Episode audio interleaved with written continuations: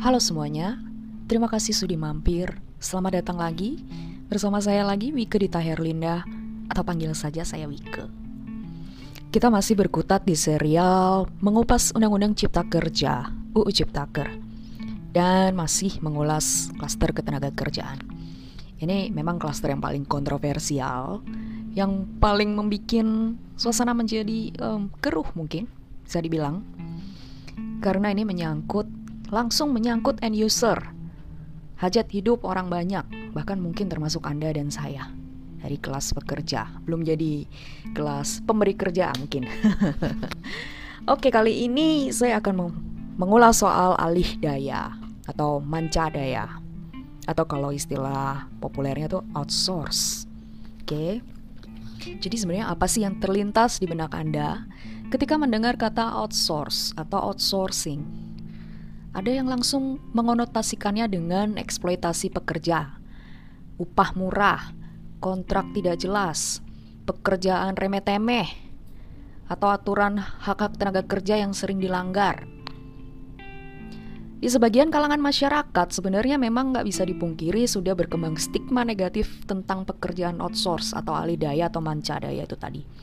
Banyak orang yang beranggapan Seseorang yang bekerja sebagai tenaga alih daya itu tidak punya kepastian masa depan karena jenjang karirnya nggak jelas. Beda sama pekerja organik gitu di dalam sebuah perusahaan. Nah, konotasi-konotasi negatif itu lantas menyebabkan tenaga alih daya atau source kerap dipandang sebelah mata. Bahkan ada yang menyebutnya sebagai sistem dalam tanda kutip perbudakan era modern. Nah, tapi kenapa Praktik rekrutmen alidaya itu adalah hal yang makin ke sini makin lumrah dilakukan di banyak negara, bahkan yang sudah maju. Bahkan tren penggunaan uh, tenaga outsource itu oleh perusahaan cenderung naik. Saya mengutip data dari Statista. Uh, dia pada 2005 presentasi atau tren global kecenderungan perusahaan untuk belanja tenaga alih daya itu sekitar 45 persen. 2016 dan melesat jadi 50%. 2017 turun sedikit 48%, 2018 anjlok 32%, tapi tahun kemarin melesat lagi permintaan untuk tenaga ahli daya menjadi 41%. Artinya sebenarnya ada sesuatu dengan sistem rekrutmen outsourcing ini yang memikat bagi dunia usaha. Nah, apa itu sebenarnya? Lalu apa hubungannya dengan eh, Undang-Undang Cipta Kerja?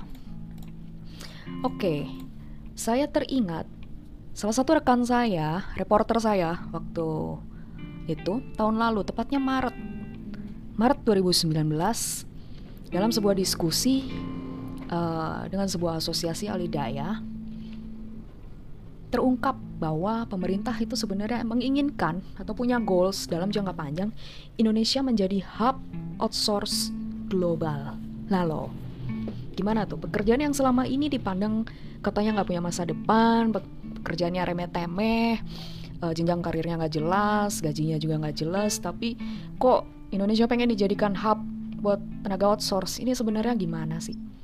Nah, kita masuk sekarang satu tahun kemudian ketika Undang-Undang Cipta Kerja sudah disahkan.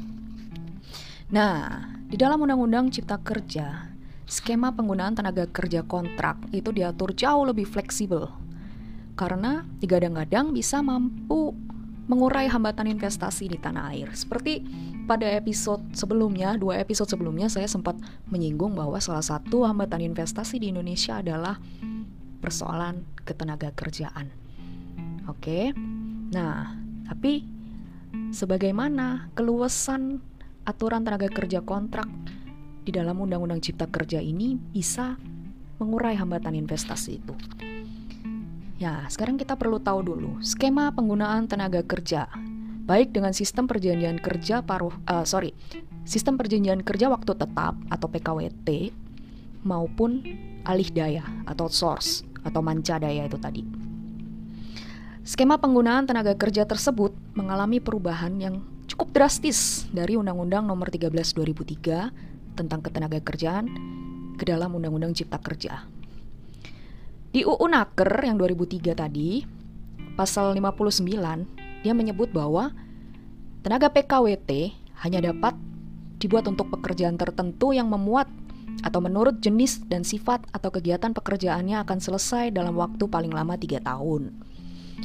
PKWT yang didasarkan atas jangka waktu tertentu dapat ya diadakan paling lama 2 tahun dan hanya boleh diperpanjang satu kali, paling lama satu tahun. Jadi kalau Anda atau Anda mengenal ada rekan yang dia tuh pegawai kontrak PKWT sudah dua tahun nggak diangkat, terus kontraknya masih diperpanjang lagi, itu sebenarnya nggak boleh karena dia uh, setelah dua tahun boleh diperpanjang hanya paling lama satu tahun. Kalau yang lebih dari itu sebenarnya itu udah melanggar.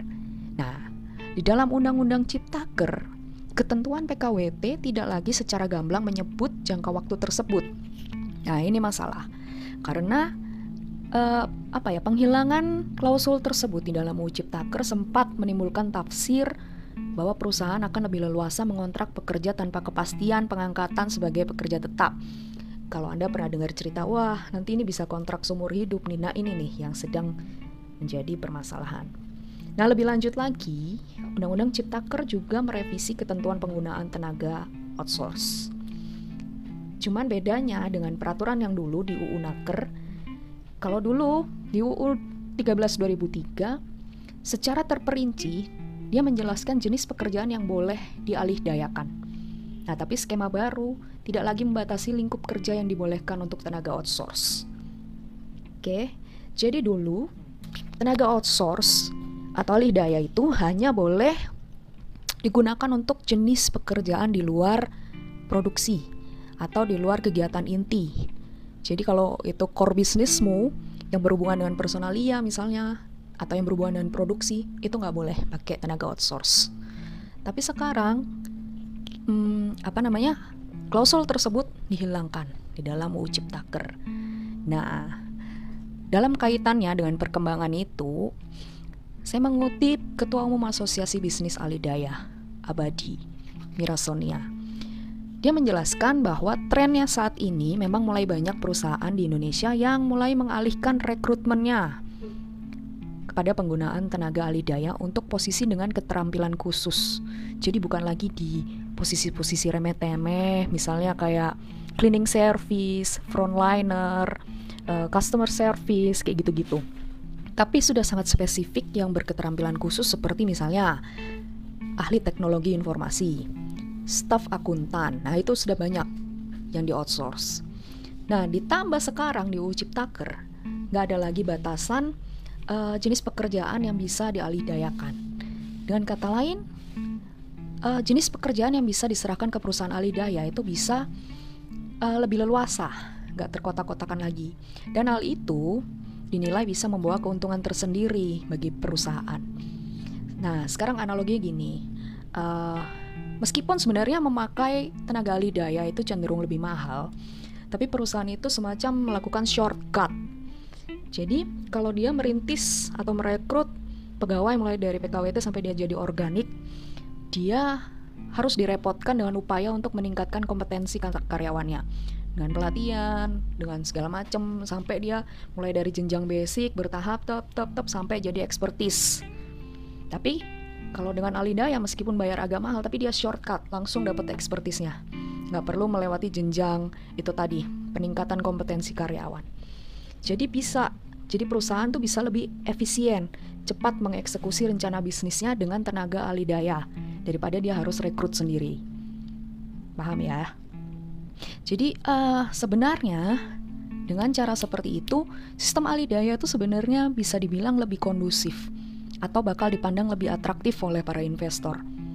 Nah, dalam perkembangannya, investor memang dalam uh, menanamkan modal Salah satu yang diperhatikan ketika dia masuk ke suatu negara, selain kemudahan uh, birokrasinya seperti apa untuk mengurus perizinan, iklim pengupahan pesangonnya seperti apa, salah satu yang dilihat oleh investor adalah iklim outsourcingnya seperti apa di suatu negara. Nah, kalau dulu di dalam Undang-Undang Tenaga Kerja dengan pengaturan sistem outsourcing yang minim proteksi itu dipandang kurang apa ya kurang akomodatif bagi investor.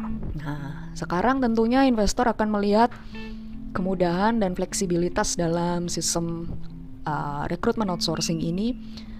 Mereka akan lebih harapannya akan lebih senang. Oke. Okay. Nah, di satu sisi juga Undang-Undang Cipta Kerja itu nilai plusnya juga memperjelas perlindungan pekerja terkait dengan hubungan kerja dengan perusahaan mencadaya. Jadi misalnya Anda uh, bekerja di suatu perusahaan alidaya, kemudian dia kan ibaratnya seperti perantara yang menggunakan jasa Anda dan menghubungkan ke perusahaan pengguna jasa. Nah, ini sekarang dia uh, perusahaan alidaya ini nggak bisa macam-macam lagi. Saya ingat dulu itu praktik penyalahgunaan alidaya itu yang paling sering dilakukan oleh perusahaan perantara ini, perusahaan penyedia jasa lidaya ini. Banyak dari mereka yang nggak berbadan hukum, banyak dari mereka yang lepas tanggung jawab ketika terjadi sesuatu antara tenaga alidayanya dan perusahaan. Banyak dari mereka yang melakukan penipuan-penipuan, misalnya kalau mau kerja harus bayar dulu dan sebagainya. Nah sekarang udah nggak bisa. Sudah nggak bisa karena itu akan diatur dalam aturan turunan UU Cipta Kerja. Jadi dari segi proteksi untuk tenaga kontrak itu sekarang lebih uh, lebih jelas. Saya nggak tahu apakah lebih, akan lebih terjamin atau enggak nanti dalam praktiknya, tapi paling nggak secara regulasi sudah lebih jelas. Terutama yang perlu dikawal adalah aturan turunannya ini. Dia harus menjamin bahwa perusahaan alidaya memenuhi standar kompetensi usaha. Jadi nggak bisa sembarangan mempekerjakan tenaga alidaya. Jadi nggak bisa semena-mena jadi nggak bisa lepas tangan, menipu, bodong dan sebagainya. Nah, uh, sebelum ada UU Ciptaker di Indonesia itu untuk mendata jumlah tenaga ahli daya sebenarnya ada berapa sih? Itu susah sekali karena nggak terdata dengan baik. Jadi ada klaim dari organisasi Serikat Pekerja uh, organisasi pekerja seluruh Indonesia misalnya. Dia mengklaim sebenarnya tenaga ahli daya outsource itu mencapai 60% 60 sampai 65% dari total tenaga kerja. Wow, banyak banget. Tenaga kerja itu sekitar 131 jutaan. Kalau 60 persennya berarti sekitar 70 berapa 76 atau 78 sekitar segitu. Itu banyak banget. Tapi itu hanya angka indikatif. BPS nggak pernah mensensus, Kemenaker nggak pernah mensensus, data ahli daya di Indonesia itu berantakan. Tidak ada yang ofisial. Bahkan di asosiasi pun mereka hanya mendata anggotanya saja. Kayak tadi misalnya Abadi. Uh, anggotanya tuh ada sekitar 3000 perusahaan. Klaim kasarnya, angka indikatifnya itu tenaga ahli dayanya sekitar 3 juta orang. Ya, angka indikatif. Nah, sekarang dengan adanya UU Ciptaker ini, asosiasi atau pelaku usaha atau penyedia jasa jadi merasa harus bertanggung jawab, harus bisa mempertanggungjawabkan data tenaga ahli daya itu tadi. Jadi ke depan akan lebih rapi, uh, rekrutmen alidaya ini uh, mulai dari hulu sampai ke hilir ya. Nah, sekarang gimana sih manfaatnya bagi pelaku usaha? Nah, lo dari kacamata pengusaha seperti apa sih memandangnya? Saya mengutip Ketua Komite Tetap Ketenaga Kerjaan Kamar Dagang dan Industri, Kadin Bob Azam. Nah, dia berpendapat makin fleksibelnya aturan penggunaan tenaga kerja dalam UU Ciptaker akan membuka peluang terdistribusinya lapangan kerja. Nah, dengan demikian, aktivitas produksi nggak akan lagi dimonopoli oleh segelintir perusahaan besar yang melakukan rekrutmen mandiri. Jadi, siapa pun, perusahaan kecil, mikro, menengah, dia bisa melakukan uh, apa namanya mendapatkan sumber-sumber daya manusia yang kompeten untuk menunjang aktivitas produksi mereka. Gak lagi didominasi oleh rekrutmen oleh perusahaan besar. Itu pertama. Terus yang kedua, fleksibilitas tenaga kerja kontrak itu bisa membongkar stigma yang melekat pada perusahaan outsourcing. Seperti yang saya bilang tadi kayak upah rendah, jaminan perlindungan yang tidak jelas, jenis pekerjaan yang uh, tidak prospektif dan sebagainya. Karena sekarang jenis pekerjaan yang lebih bervariasi, udah lebih fleksibel, itu bisa menambah daya tawar dari pekerja outsource begitu. Kalau soal kepastian karir, ya uh, kalau menurut Bob Azam nih saya masih mengutip dia uh, apa namanya di dalam Undang-Undang Cipta Kerja diatur skema perlindungan semisal kontraknya habis, begitupun dengan pekerja PKWT tadi bisa-bisa aja dia uh, diangkat menjadi pekerja organik. Nah, asalkan ada kesepakatan dalam hubungan industrial. Nah, lalu bagaimana sebenarnya pandangan pekerja sendiri? Bagaimana perspektif dari serikat-serikat pekerja terhadap aturan ini? Saya ingat beberapa tahun lalu sempat heboh banget demonstrasi ketika May Day uh, desakan untuk menghapuskan sistem outsource di Indonesia. Nah, karena itu tadi perlindungan bagi tenaga outsource itu tidak jelas di Indonesia sebelum ada UU Ciptaker ini.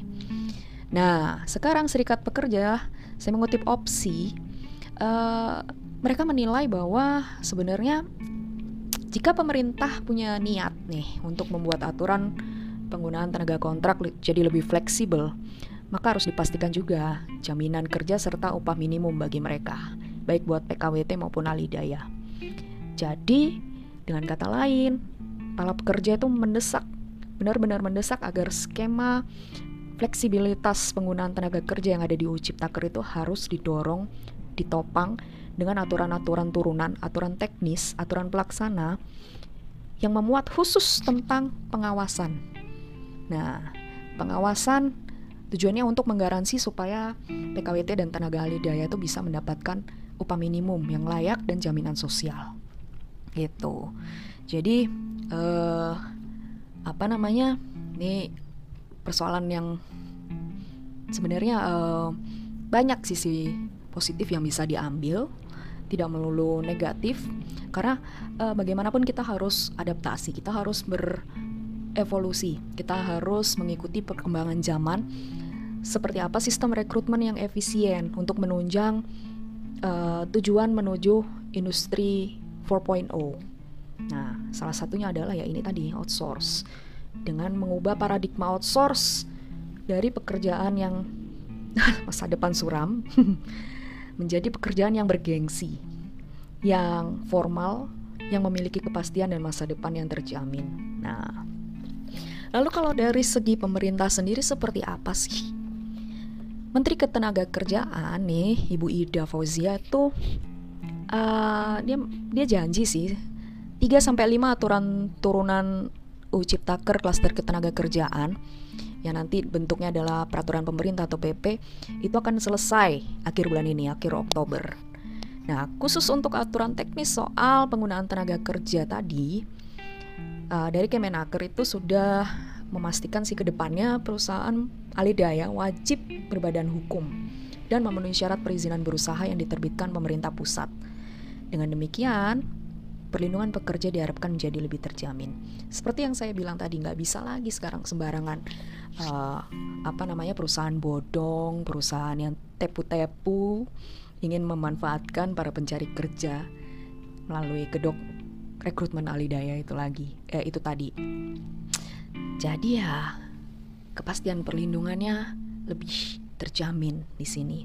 Ada langkah progresif Nah, selanjutnya akan diatur pula jaminan hak-hak pekerja jika terjadi pengalihan pekerjaan dari perusahaan alidaya.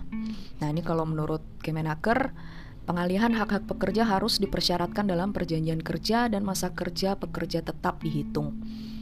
Nah, terus uh, satu hal lagi yang ditekankan oleh pemerintah revisi UU Ketenagakerjaan dalam hal ini soal penggunaan tenaga kerja tadi, tenaga kerja kontrak itu dilakukan sebagai respons untuk menghadapi dinamika global yang makin dinamis.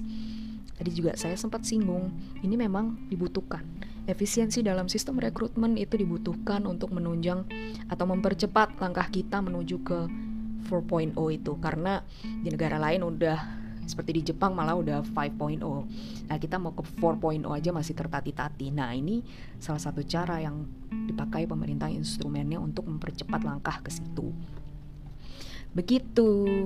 Nah, uh, kalau dari tinjauan ekonom atau analis, uh, dan saya juga sepakat, Undang-Undang Cipta Kerja pada akhirnya ya harus mampu mendorong penyerapan tenaga kerja informal karena sekarang komposisi angkatan kerja kita atau penduduk pekerja kita itu lebih banyak terserap di sektor informal 55 persenan.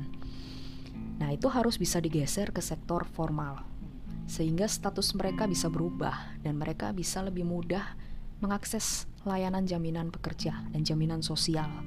Itu tadi, salah satunya ya dengan mengubah paradigma tenaga kontrak. Nah, e, mengenai aturan PKWT dan alidaya ini, kalau menurut ekonom, saya mengutip ekonom Universitas Indonesia, Fitra Faisal, menurut dia sih sudah sesuai dengan perkembangan zaman. Karena memang revolusi industri 4.0, 4.0 memang akan menghadirkan jenis-jenis pekerjaan baru yang lahir seiring dengan kemajuan teknologi.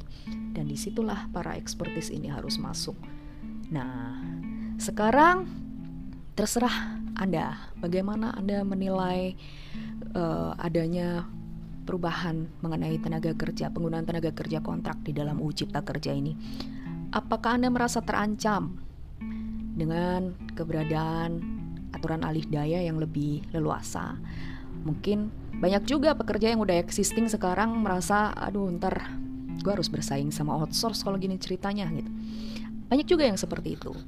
Meskipun belum terbukti benar atau tidaknya karena kita tidak tahu. Pasti nanti di aturan turunan siapa tahu ya bukan pasti tapi siapa tahu di aturan turunan ada batasan. Misalnya aturan di dalam perusahaan boleh pakai tenaga outsource maksimal berapa persen kita kan nggak tahu makanya itu kalau saya pribadi untuk klausul ini khusus untuk PKWT dan alih daya ini saya akan cenderung melihat seperti apa aturan teknisnya.